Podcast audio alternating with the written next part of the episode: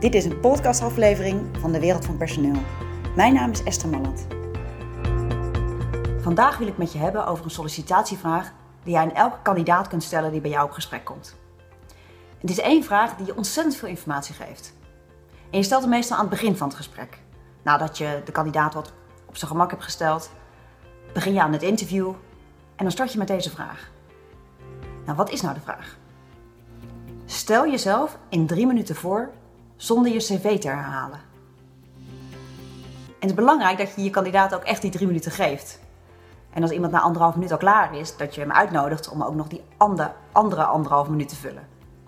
En mijn ervaring is dat juist in die laatste anderhalf minuut de meest interessante informatie naar boven komt. Nou, wat is nu zo interessant aan die vraag? Er zijn eigenlijk twee kanten. Aan de ene kant hoor je dus hoe iemand zich presenteert, welke keuzes die maakt in woorden, maar ook in wat hij met jou deelt. Of dat vooral zakelijk is of vooral privé. Of iemand heel snel praat of heel langzaam. Of iemand veel moet nadenken voordat hij wat zegt. Dus het geeft je een goed beeld van iemands persoonlijkheid en hoe iemand, wanneer je hem spontaan wat vraagt, gaat reageren.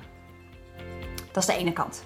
Nou, de andere kant is ook dat je uit die vraag informatie krijgt waar jij misschien helemaal niet aan gedacht hebt. En wat misschien wel interessant is om later in het gesprek op terug te komen.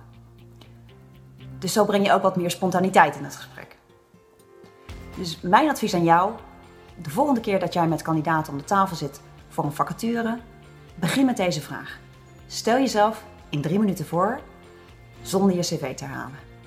Nou, dat is mijn persoonlijke advies vanuit de wereld van personeel.